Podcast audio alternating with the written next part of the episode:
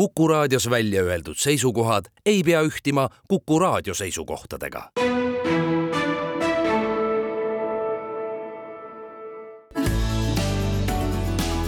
keskpäevatund. Kord ajasid juttu kolm ametimeest, olid läbi nad käinud nii tulest kui veest. Ja üks neist oli kuutõrvaja, üpris tõsine mees. ja sõna võttis kuutõrvaja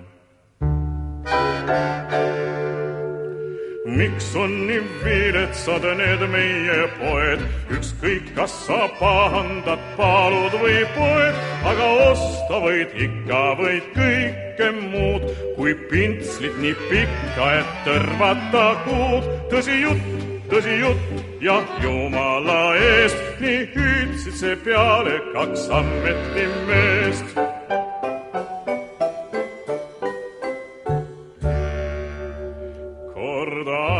ajasid juttu kolm ametimeest, olid läbi nad käinud nii tulest kui veest ja üks neist oli pudeli paikaja, üpris tõsine mees. Ja sõna võttis pudelipaikaja miks on nii viletsad need meie poed, ükskõik, kas sa pahandad palud või poed, valitseb ikka üks defitsiit, kus on pudelinõelad ja pudeliniit. tõsi jutt, tõsi jutt ja jumala eest, nii hüüdsid seepeale kaks ametimeest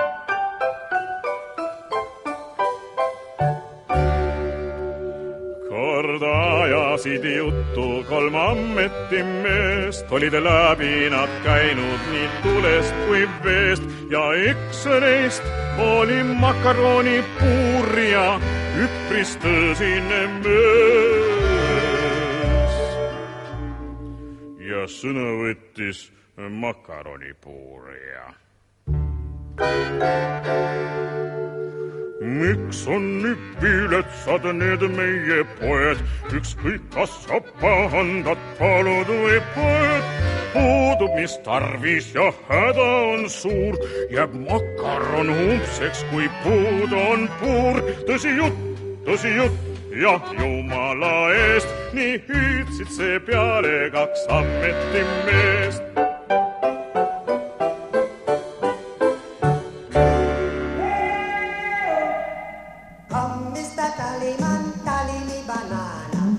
uudiseid koduvabariigist. tere, Keskpäevatund alustab, Kuku stuudios on Heldur Meerits, Marek Strandberg ja Ainar Ruussaar. Kord ajasid juttu kolm ametimeest, nii laulis meile Artur Rinne, võta nüüd kinni.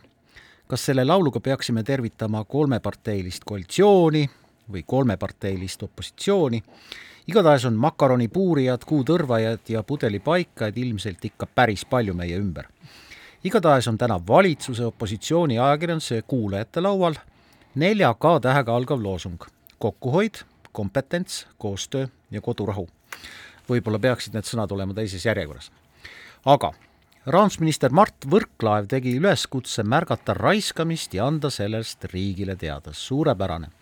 püüdsin ka mina meenutada, millist raiskamist ma olen tähele pannud riigi või siis omavalitsuse tasandil ja ausalt öeldes esimese asjana meenus mõned kuud tagasi juba valgel ajal siitsamast Kuku raadio aknast nähtud pilt, kus Linna tänaval umbes kell pool kaksteist päeval põlesid valgustid. Ilmselt oli siis mingi lüliti testimine toimus, toimus, toimus valgustite testimine. ma arvan, et kui sa hakkad uurima, et mis see oli, siis kindlasti vastab mingi ametimees, kas siis makaronipuurija või keegi teine, et me testisime sel ajal valgusteid, ära muretse, seda rohkem ei ole ja täna ei olegi. millist raiskamist teie olete märganud? no okay., üle, üleskutse tegi rahandusminister Mart Võrklaev. no minul, minul on ammu silma hakanud äh, need ministeeriumide ja ametite piirosakonnad. see, et, et noh, mõnikord on neid üle kümne inimese, mõnikord on nagu alla kümne inimese ja, ja kui, kui ma nüüd äh, Postimehest ka lugesin, kes ka nagu sellele samale üleskutsele reageeris, siis minu suureks üllatuseks seal ajakirjanikud olid leidnud nüüd lisaks ministeeriumide endi PR-osakondadele veel ka terve hulga hankeid, kus siis hangiti taas jälle seda, sedasama PR-teenust no mina mõtlen näiteks selle peale, et riigiameteis on ju tööl väga suur hulk juriste, hea kvaliteediga ja nii edasi, nii edasi. Ometi pange tähele, et ega ministeerium ja riigiamet ennast ise kohtus ei kaitse, selleks palgatakse advokaat. noh, tekib küsimus, et miks peaks palkama advokaadi, kui riigil on oma töö osas olemas vastavad asjatundjad, kes peaksid siis ju riigi tarkusest lähtuvalt kaitsma riigi huve. ei seda ei saa teha, muidugi advokaatidele ka see meeldib, see on päris hea nagu business ja hea tulu, aga ma arvan küll, et riik peaks ennast ise suutma kaitsta täpselt niimoodi, et ongi, et äh, me teame, et riigiametis või tööl seal olev jurist kaitseb ja siis las ülejäänud inimesed äh, kasutavad advokaate, aga ei, see on väga oluline asi, riik teeb eksimusi ja advokaadid hakkavad seda kinni pahteldama, no vaatame teisi asju veel no näiteks tee-ehitus, eks ole, väga suur asi, tohutu, küll me ehitame teid neljarealiseks või kolmerealiseks või milliseks iganes, tee-ehitus käib, selleks tuleb avada järjest rohkem ja rohkem karjääre, et kaevandada sealt kruusa, mis on paekivi või dolomiit või midagi sellist, igal juhul nii-öelda selline püdelmaterjal võrreldes näiteks Soome graniidiga äh, selmet võtta kasutusse nagu materjal, mille kasutamisel ei peaks kogu aeg asendama ja parandama teid.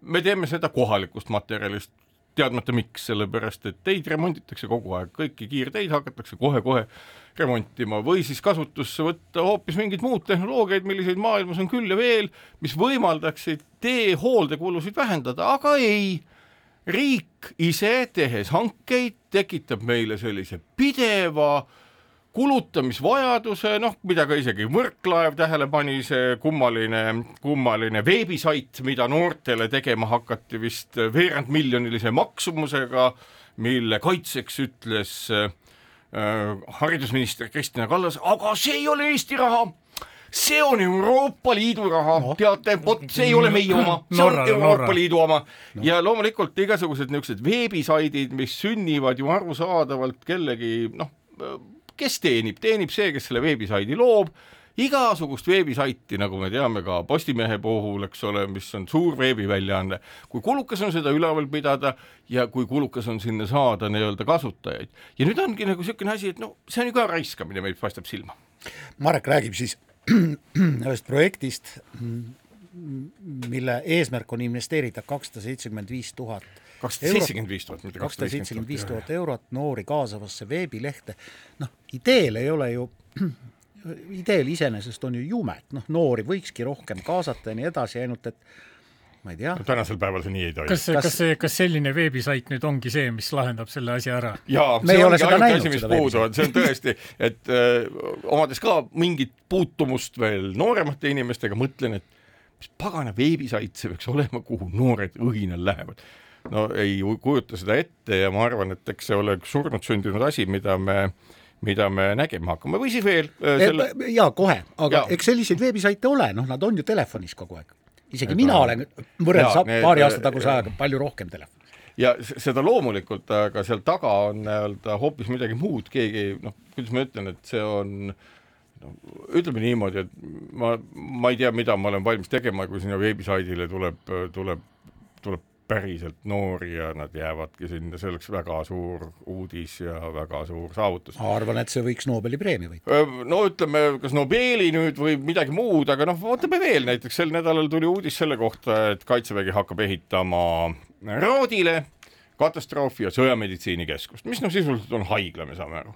selle peale kulutatakse ainult ehitamise, võib-olla ka sisustamise peale kolmkümmend viis miljonit me teame täna seda, mida on indikeerinud meile Tervisekassa, et äh, põhimõtteliselt liigub meie tervishoid üsna niisugusel äh, kehval kursil ja mingil hetkel saab lihtsalt raha otsa, mis puudutab üldist ravi. siiamaani olen ma kuulnud igalt poolt, et räägitakse, et vot kaitsevõime seisukohalt on hea tsiviil- ja militaarkoostöö, mida kujutan ette, on ka Eesti arstkond ja meditsiin nagu harrastanud. Ja nüüd ühtäkki kolmkümmend viis miljonit eraldi nii-öelda tervise või haigusega tegelev nii-öelda meditsiinikeskus, keda seal teenindama hakatakse, kas me hakkame ootama siis, et tuleks meile sõda või midagi, et ühtäkki asendub koostöö täpselt sel hetkel, äh, kui Kaitseväe kätte satub mingisugune hulk raha, sellega, et me teeme ise. Ja me teame, tänasel hetkel on ka Mikk äh, siis äh, Meinhard Pulk kirjutanud Postimehes ju hea ülevaate sellest, mida britid rääkisid Eesti koostöövõime kohta, millist nagu segadust ja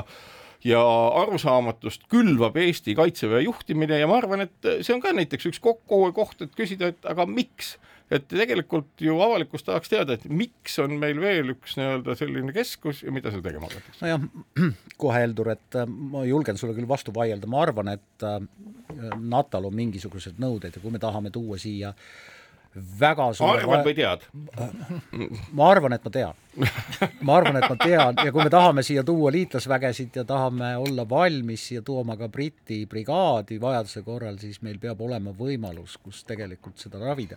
ja ma arvan, et ma tean ka seda, et juhul, kui tõepoolest selline sinu poolt mainitud meditsiinikeskus valmis saab, siis ta ei seisa rahuajal tühjalt, vaid vaid ju sinna et me saame nagu uue neljanda haigla, kus ravitakse väljavalituid. minu meelest aga mis selles halba on? ei, aga mis selles head on, on minu küsimus, et ega võib-olla halba ei olegi, aga mis on selles head, kui meie meditsiinisüsteem killustub? ma loen seda uudist selles kontekstis ja mõtlen, et mis selles head on. kas selles on midagi head, kui näiteks me teenindame oma nii-öelda liitlasvägesid kusagil mujal kui meie oma nii-öelda tsiviilmeditsiinisüsteemis?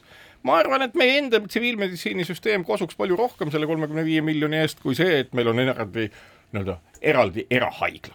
no ma loodan, et selles osas nüüd mingi, mingi juurdlus äh, toimub ajakirjanike hulgas ja, ja me saame sellest äh, rohkem teada, eks, ja aga vot me siin nende üksikute näidete puhul, eks no eriti nende ametnike osas, eks no ametnike arvu kokkuhoidmiseks noh, on ikkagi nagu väga piiratud võimalused ja see ei ole nüüd see võluvits ja et, et mille kaudu me nüüd eelarvekulud mõistlikumaks äh, saame, eks, jah, aga üks koht, kui, mille kaudu nüüd saaks seda kokkuhoiu kohtade otsimist paremini teha, on üldse see, mis kujul riigieelarvet esitatakse.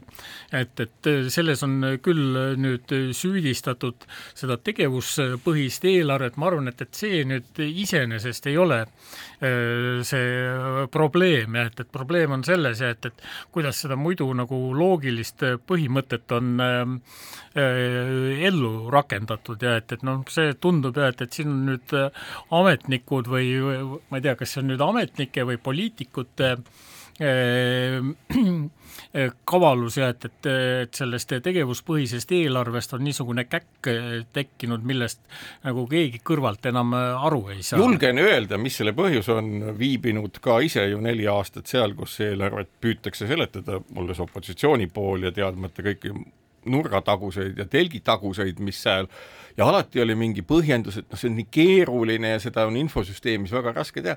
minu kogemus tänaseks hetkeks on see, et riigieelarve läbipaistmatuse peamine põhjus on see, et seal on väga palju selliseid noh, ütleme räpasevõitu või, või valgust mitte kannatavaid otsuseid, kui, kui kõik otsused tänasel hetkel ju veeb otsa ei saa, infosüsteemid on piisavalt selged, meil on olemas, võtke kas või kõikvõimalikud maakaardid, mis on väga detailsed, kuni põõsa või, või, või siilini välja võib vaadata pilte äh, maakaartide peal ja tegelikkuses nii-öelda iga, kuna, kuna iga riigieelarve rea taga on mingi hulk otsuseid, siis need otsused võiksid olla veebis kuvatavad ja vaadatavad ja neid peaks saama avalikus analüüsis. jaa, Marek, ma olen sinuga täiesti nõus ja, ja lõppeval nädalal väga paljudes Kuku saadetes, kus ma intervjueerisin poliitikuid, ma küsisin ka, et kas teie saate riigieelarvet lugedes sellest aru. mis nad ütlesid? tunnistasid päris ausalt, et, et ei, ei saa, saa.. ja sina nüüd, äh, ma ei tea, kas sa oled paranoid, paranoid või mitte. olen, olen, ma olen täielik, nagu te aru saate, ma kahtlen kõiges. et selle keerulise riigieelarve taha on peidetud midagi, mida oskavad lugeda või mida teavad väga vähesed valitud inimesed. ei, vaieldamatult on see nii, sellepärast et, et kui tehakse mingisuguseid otsuseid, noh, ütleme selles mõttes ju Eestis väga kõrge korruptsioonimäär ei ole, aga niisugune mõõdukas korruptsioon toimub ikkagi ja uskuge mitte või mitte, et noh, kas või see, et ministeeriumid ei suuda ette pandud eesmärgist miljard, kokku hoida rohkem kui viiskümmend miljonit mis on jutuks olnud, pärast seda eitatakse, seda miljardit ei ole, aga ütleme niimoodi, mis tähendab seda, et äh, kujutame ette inimese käitumist. Äh, kõik inimesed teavad kedagi ja siis mingil hetkel ju, kuidas käib nii-öelda äh, selle nii-öelda eelarve toetusmehhanismide tegemine, keegi saab mingisuguse positiivse otsuse, need otsused ei paista välja, keegi ei saa neid otsuseid vaidlustada, isegi halduskohtus ei saa vaidlustada, me ei tea nendest otsustest mitte midagi. ja siis kõik istuvad, kuna rahavajadus on suur, siis riigieelarve on hea allikas, kõik istuvad, närivad küüsi, loodavad, et nii-öelda riigieelarve kinnitatakse ja siis nad teavad, et neil on mingisugune rida seal. ja ma arvan, et sellisel, sellises olukorras see käitumistüüp, mis tänasel hetkel nagu vaieldamatult toimib, ma arvan, et kui kui, kui poliitik ütleb, et ta ei saa riigieelarvest aru, siis tähendab seda, et tema käsi või pilk on selle olemuseni jõudmiseks liiga lühike. Ja ega muud põhjust ei ole. riigieelarves ju midagi keerulist ei ole, iga kulutus, iga sent tähendab mingit otsust, need otsused ei paista välja ja see, et need otsused ei paista välja, ei tulene infosüsteemist, vaid tuleneb inimese tahtest. Need no, inimesed, kes seal osalevad, ei taha, et see välja paistaks. nojah, et, et ongi nii, et, et põhimõtteliselt ei tohiks nagu mingi raketiteadus olla, et esitada seda niimoodi arusaadaval ja loomulikul viisil ja aga jah, et, et kui, kui on nagu ühest küljest on nagu huvid äh, seda asja muuta selliseks hämaraks ja läbipaistmatuks, et, et siis sinna on kõrvale vaja just äh, ka sedasama vastasjõudu, et, et mis, äh, mis siis võimaldaks meil eelarvet muuta, neid kulusid muuta mõistlikuks. no selles mõttes ega, ega mu nii-öelda, kui sa paranoiat juba puudutasid, siis oleme ausad, et ega mu paranoia seisneb muuhulgas ka selles, et mulle tundub, et et enamus Eesti ametnikkonnast või vähemalt mõned olulised isikud seal on saanud enda sellist nii-öelda koolitust paljuski või tuge oma, oma käitumisele paljuski Briti äh, seriaalist Yes Minister, Yes Prime Minister, kus Sir Humphrey Appleby kehastab täpselt sellist nii-öelda kavaldavat tegelast. ja ma ei arva, et nüüd kõik, aga igal juhul mingisugune osa selles riigieelarve läbipaistmatuses on loomulikult äh, personali valikul ja ses osas mina küll arvan, et nii-öelda see äh, kas äh, siis trimeerimine või kvadrumeerimine, et iga kolmas või neljas ametnik lahti lasta, noh, Rooma sõjaväes on lihtne, kui korda taheti, siis detsimeeriti, hukka sai iga kümnes, hukati õigemini, nii et äh, noh, mingisugune selline asi ja mingisugune selgem poliitiline eesmärk peaks olema, aga jällegi, seda ei saa teha, kuna poliitik ei ole suuteline iseseisvalt riigieelarvet koostama, tal on vaja mingisugust abi ja siis kuna kõik ongi nagu läbi kasvanud selline tailiha või rasvane tailiha, nagu meie riik on, siis nagu keegi ei tea, kus on veresoon, keegi ei tea, kus on täpselt närvid ja, ja selle tõttu, selle tõttu ongi meil niimoodi, et teatavast inertsist selline raiskamise ja läbipaistmatuse poliitika jätkub. et, et siin on äh, ilmselt ka äh, see küsimus, et, et mida peetakse poliitiliseks tarkuseks ja et et äh, mul on küll jäänud selline mulje, et, et Kaja Kallase arvates on nüüd mis tahes kulu, kulude kärpimine äh, selline poliitiliselt riskantne äh, samm, sest et, et ükskõik, kui, kui mõttetut asja sa ära ei hakka maha, kui sa ei hakka maha tõmbama, et siis ikkagi keegi viskub barrikaadidele sellesama mõttetu kulutuse kaitseks ja, ja see, seetõttu talle tundub, et, et peaaegu mitte midagi ei saa kärpida ja, ja noh, selle, seetõttu ei ole ka õiget survet äh, nende kärpekohtade otsimiseks. üks asi veel, äh, lugesin jälle Postimehest, kus kirjutas siis ajakirjanik sellest, milline on olukord, milline on olukord näiteks sellisel lihtsal asjal nagu äh, Äh, meditsiiniõeks õppivate ja selleks õppinud inimestega. Ja ta kirjeldas nagu juhtumeid, mis nende äh, meditsiiniõe kandidaatidega praktikal või meditsiiniõdedega siis tegelikult sünnib. Ja me raiskame ka inimesi, selles mõttes, et see üsna noh, nii-öelda tagakiusav ja, ja ahistav töökeskkond, kuhu need inimesed satuvad, paneb kindlasti nii mõnegi selja pöörama ja tulemus on mis? Äh, haridusele kulutatud raha läheb raisku, kuna inimene leiab endale mingi muu tegevuse ja selles mõttes sellist noh, ütleme ühiskonnas toimuvat äh, koostöövalmidusest või tolerantsist kaduvat head hoiakut on vähe. no see, sul on küll nagu õigus jah, aga me läheme nüüd nagu oma teemas liiga laiali. Lähme, ma tulen tagasi, unustage ära, mis ma viimati rääkisin, lugege lihtsalt sellest. absoluutselt, aga, aga taas viitan kolleegidele Postimehest, kes on teinud suurepärase analüüsi äh, riigihangete registri toel ja siis mõned asjad jäävad ikka silma küll.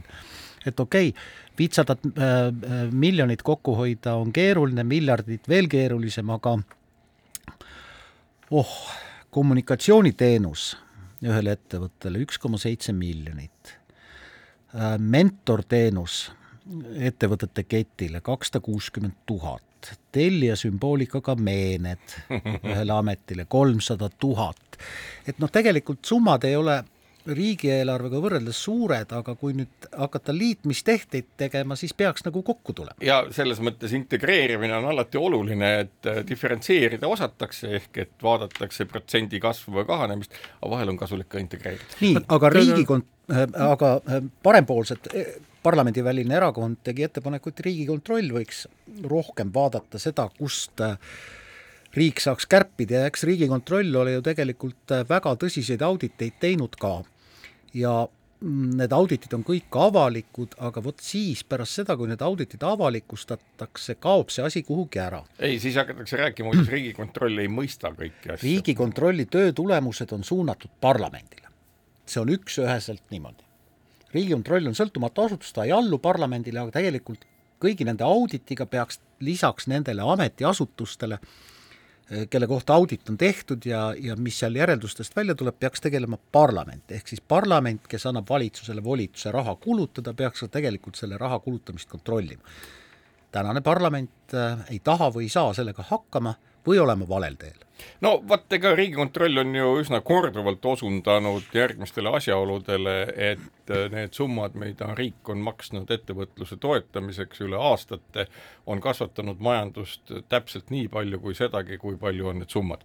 ehk et äh, juhul, kui ta ei kasvataks üldse, oleks tegemist ilmselt vargusega, aga kuna majandus kasvab täpselt nii palju, kui on neid summasid kulutatud, siis põhimõtteliselt on ju kogu see riikliku toetuse äh, plaan ettevõtetele küsimärgi all, et kas see on lihtsalt rahavajaduse katmine, mis on alati kõikidel ettevõtjatel või ka eraisikutel olemas, rahast ei ole kunagi liialt palju, või on tegemist ikkagi nagu põhimõttelise küsimusega, sellepärast et siin hiljaaegu oli ka lugu sellest, kui palju on riik panustanud äh, näiteks sellesama riigile kuuluva kaudu, SmartCapi kaudu kõikvõimalikesse ettevõtetesse ja nüüd võiks oodata analüüsi, et kui palju need ettevõtted siis kasvanud on. jaa, aga Ehk kindlasti, kindlasti me, me teame ka näiteid, kus riigi toel on tehtud midagi sellist, millest on väga palju kasu. too näide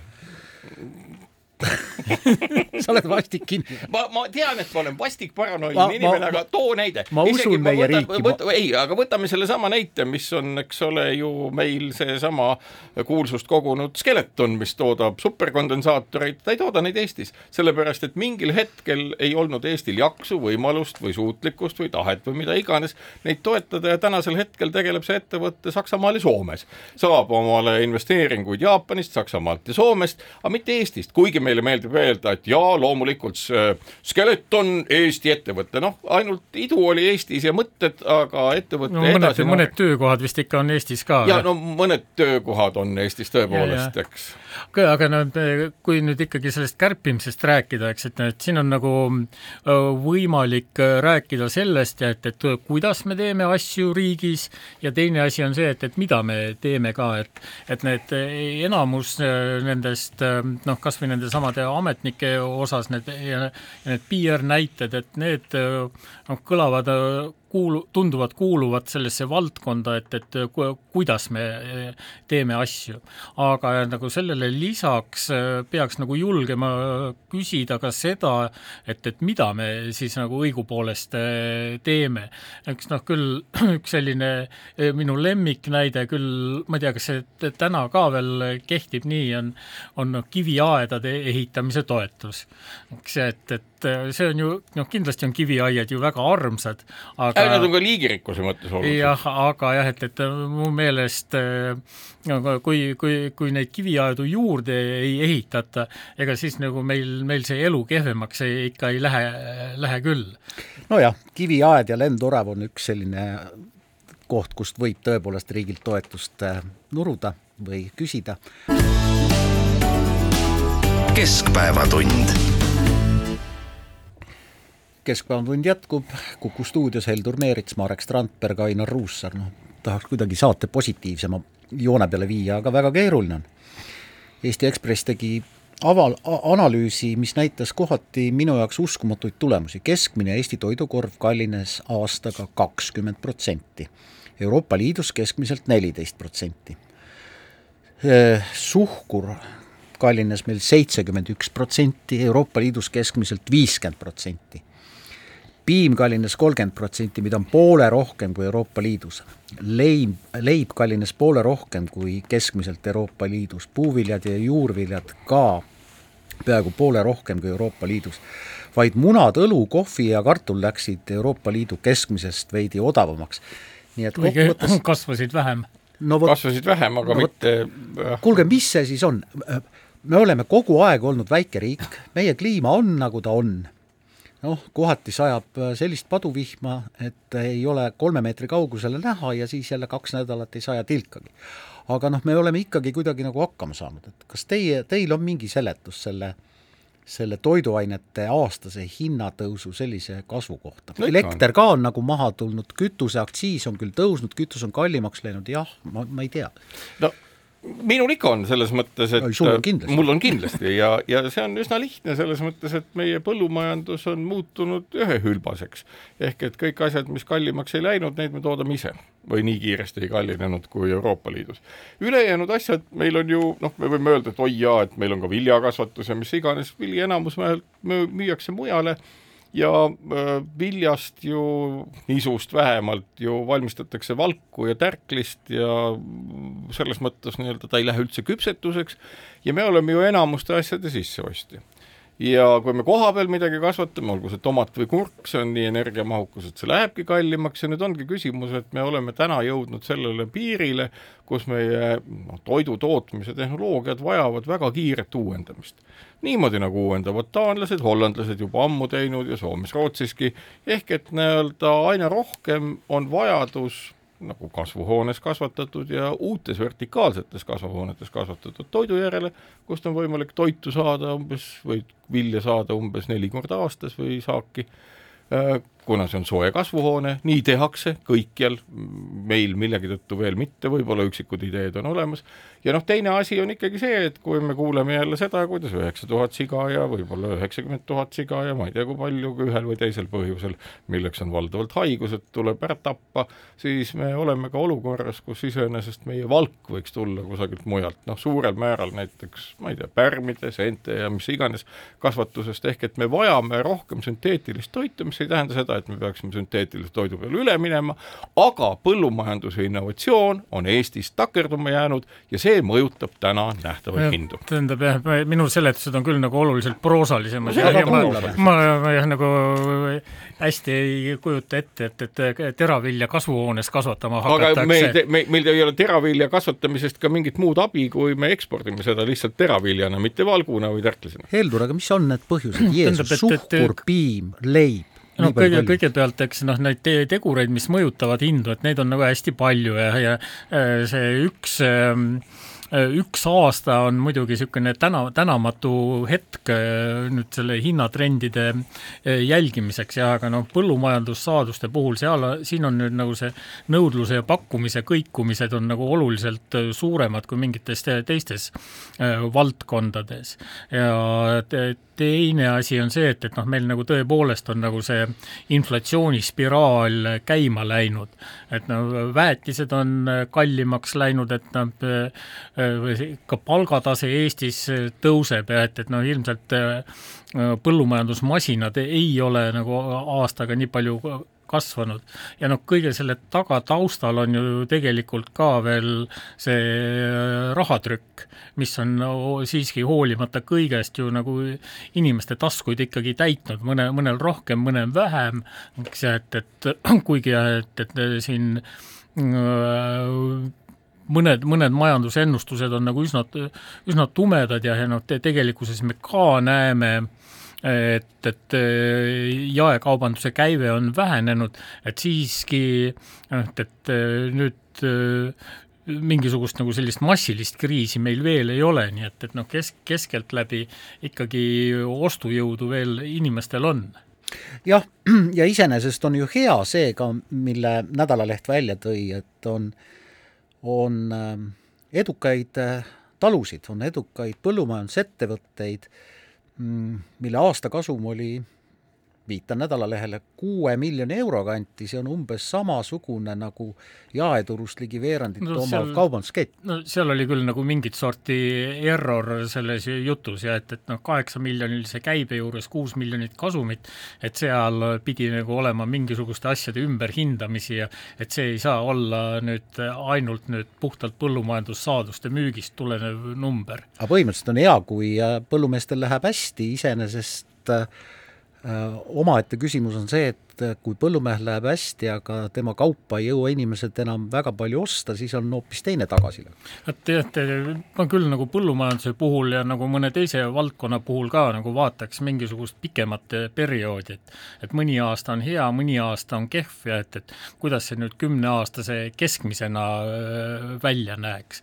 et et äh, aga jah, et, et kui sa nagu oled poes ja et, et siis on nagu tõepoolest inimesed hakanud reageerima ja, ja ka noh, et, et neid komponente, mis seal põllumajandusliku tootmise jaoks vaja on, et, et noh, nendest mul küll ei löö ette, et mis seal nüüd nagu nii hirmsalt oleks odavamaks läinud. et noh, see elekter võib olla ehk ühe, ühe, ühe, ühe perioodi jooksul, jah.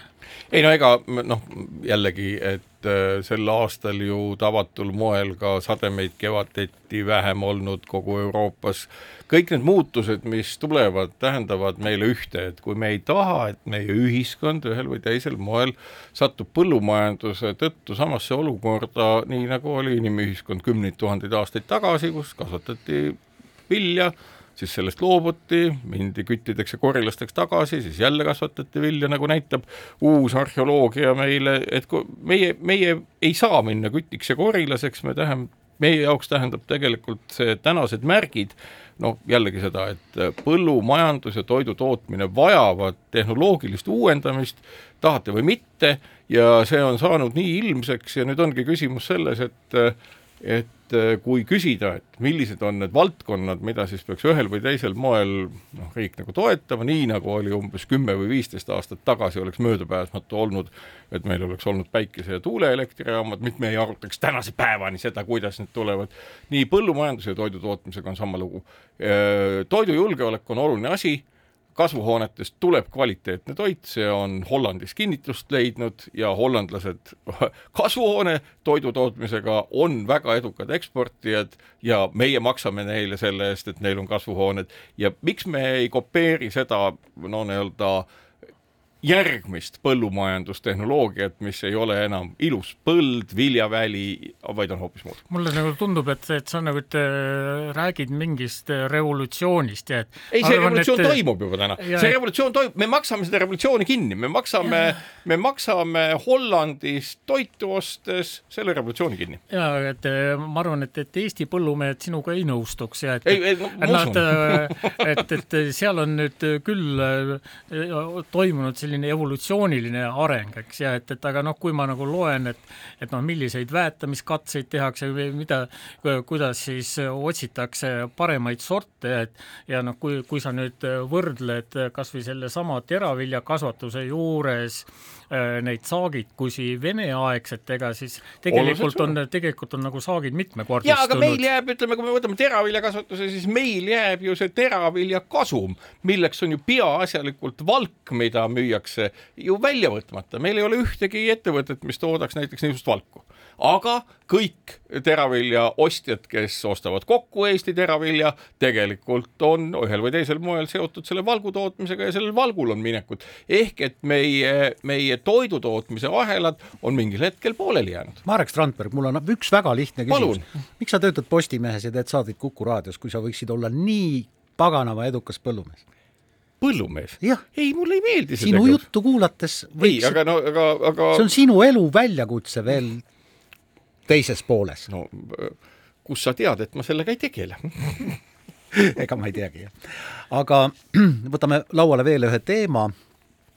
Heldur muretseb sellepärast, et eh, kui vabad me ikkagi meie vabal maal oleme, mis sind murelikuks teeb? ei, pigem, pigem nagu vastupidi, et, et mulle nagu tundub, et, et et me oleme küll ju tegelikult täitsa vabad jah, aga seda vabaduse, neid ohte vabadusele nähakse veidikene kummaliselt ja et et no näiteks need karjatused seoses anonüümsete kõnekaartidega, et nad, et just nagu anonüümse kõnekaardi puudumine just nagu ähvardaks meie vabadusi, et, et kui, kui ma nagu mõtlen vabaduse peale, et noh, siis ma ikka rohkem mõtlen selle peale, et, et ma saan õppida, mida ma tahan, ma saan töötada seal, kus ma tahan, et, et äh, ma saan elada seal, kus ma tahan, ma saan reisida, kuhu ma tahan, ma saan isegi nagu oma arvamusi välja öelda, et, et noh, need nagu tunduvad mulle vabaduse osas äh, sellised olulised asjad. aga jah, et, et kui nüüd ei ole võimalik anonüümset kõnekaarti äh, soetada või, või ma ei saa oma prügisse nüüd mida, mida vaid panna, panna. et, et noh, see mulle ei tundu küll kuidagimoodi mu vabadusi ähvardavad.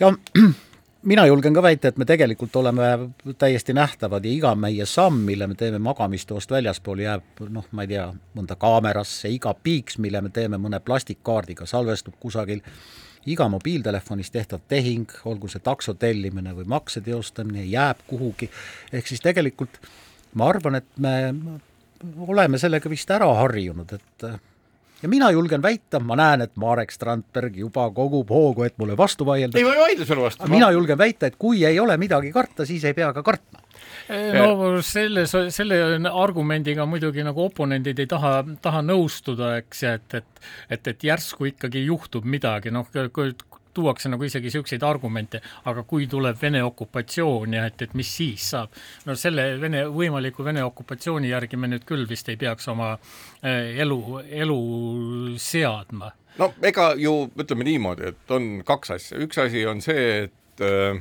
meie digitaalne maailm on avatud ja avatud on ta olnud kõigile neile, kes ühel või teisel põhjusel on tahtnud kontrollida, mida me teeme ja kas see on seaduspärane, olnud kogu aeg probleem on tõepoolest selles, et meie digitaalne maailm on ka üsna habras, ehk et paljud asjad, mida mida me oleme pidanud nagu hästi turvaliseks aegade jooksul, ei ole seda enam noh, no palju on ka meie oma lollust. ja ei no oma lollust ja nii edasi, et noh, näiteks ka ütleme valitsuse, Päästeameti ja politsei poolt kasutatava erisidesüsteemi kohta, noh, mis justkui peaks olema väga-väga turvaline, hiljaaegu tuli nii-öelda teade selle kohta, et sinna on sisse häkitud ja on sealt võimalik andmeid võtta küll väga aeglaselt, aga ikkagi justkui jääb mulje, et on sinna tagauks ehitatud siis öö, analüüsiti hiljuti sakslaste poolt näiteks satelliite, neid niisuguseid nii-öelda no nii-öelda äh, kuupsatelliite, väikesi mikrosatelliite, nende hulgas ka Est-Cube, mis osutus olema üks vähem turvalisi asju üldse, et kus põhimõtteliselt maa pealt võib sisse häkkida ja teha sellega mida iganes. no õnneks ei õnnestu sellega kõiki asju teha.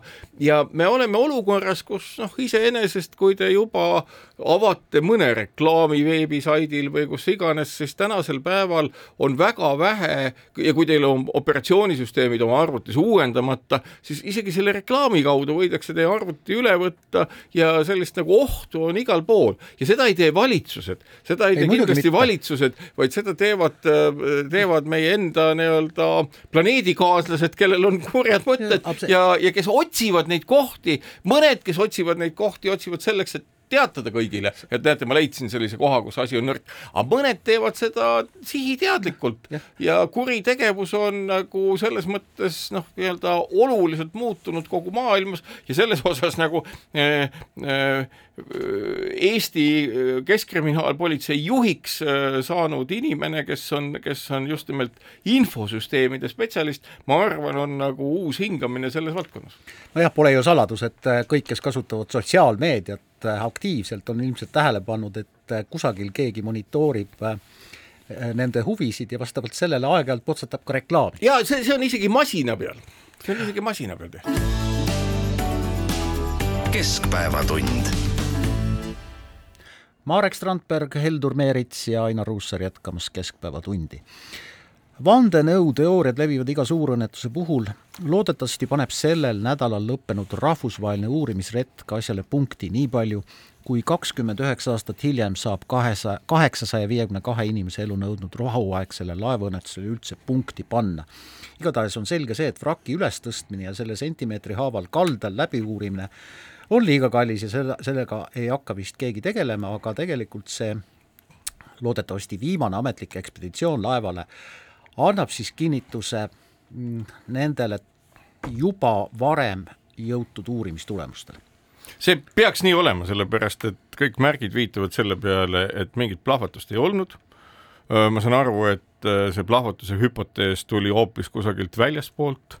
loomulikult igasugune fakt leidis sellele kinnitust ja asjaolu, et laev oli lihtsalt kehvalt ehitatud, kehvalt konstrueeritud, millele on väga palju kinnitusi, kas või ehitusinseneride Metsaveere ja, ja Peipmanni käik Soome sõsarlaeva juurde, mille peale nad ütlesid, et selle visiiri parandati praktiliselt pärast iga reisi ja see oli nende sõnul täiesti siniseks keevitatud, ma arvan, et Estoniaga oli umbes sama lugu ja tõenäoliselt ka leiab kinnitust seesama asi, et äh, kõik need äh, kõik need äh, siis äh, rambi ehk selle nii-öelda tõstetava ukse mille pealt välja sõideti, ka selle konstruktsiooni vead on ilmsed, pluss sinna juurde veel noh, ilmselt nii-öelda oskamatus sellise keerulise olukorraga toime tulla, need põhjustasidki inimlikud vead ja tehnilised vead põhjustasidki selle õnnetuse, ilma et oleks vaja välja mõelda tohutuid äh, James Bondiliku stsenaariumiga sündmusi. jaa, aga noh, kui,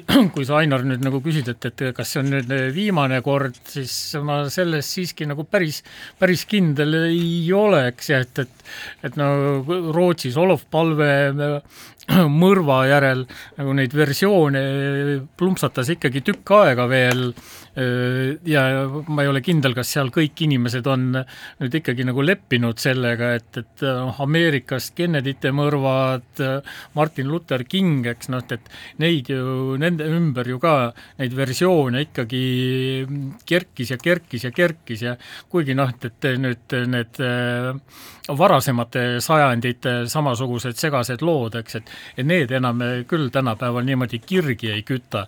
nii et, et no ma, ma ise nagu pigem oleks nagu pessimist ja, ja ma arvaks, et, et pigem nagu kümne aasta pärast tehakse sinna veel üks uurimisretk, aga kuna siis selle järel on nüüd nagu kõik need Estonia õnnetuse kaasaegsed teispoolsusesse läinud, siis seejärel enam jah, tõesti rohkem ühtegi taolist retke ei tule. nojah, võib-olla mõni teeb sinna eraalgatuslikku uurimisretke, aga igal juhul see nüüd äh, lõppenud nädalal otsa saanud äh, uurimisretk, mida see siis tähendas, tõsteti üles ramp, see on siis see autotekil asetsev veekindel vahesein.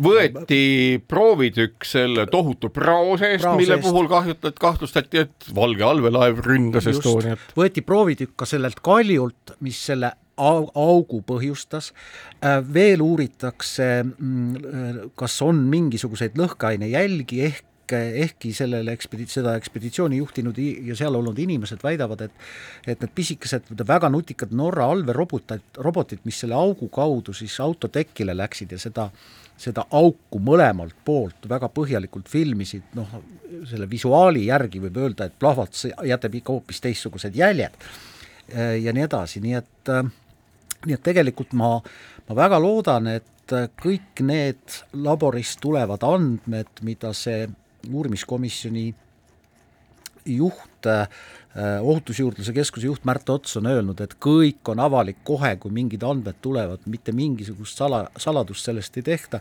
ma arvan, et see võiks siiski panna punkti tõepoolest sellele, et noh, mida seal veel uurida. ma kordan, et muidugi võiks alati kaaluda laeva ülestõstmist ja sentimeetri lä-, haaval läbiuurimist, aga ma arvan, et see on, see on ikkagi natuke liiga kallis. Ja mõned kuud pärast seda laevahukku tegid Norra tuukrid ju vrakile ekspeditsiooni ja sellel ekspeditsioonil oli kaks suurt eesmärki. Äh, nemad uurisid ka seda, kas on võimalik äh, laevavrakk üles tõsta ja teine nende ülesanne oli, oli see, äh, kas on võimalik hukkunuid üles tuua, aga aga vrakki üles ei tõsteta, see on kallis, see on võib-olla isegi tänasel päeval ei ole enam vajalik töö ja teine on see, et kõiki hukkunuid ei saa üles tuua, sest neid ei ole võimalik üles leida, ei olnud juba siis paar kuud pärast õnnetust.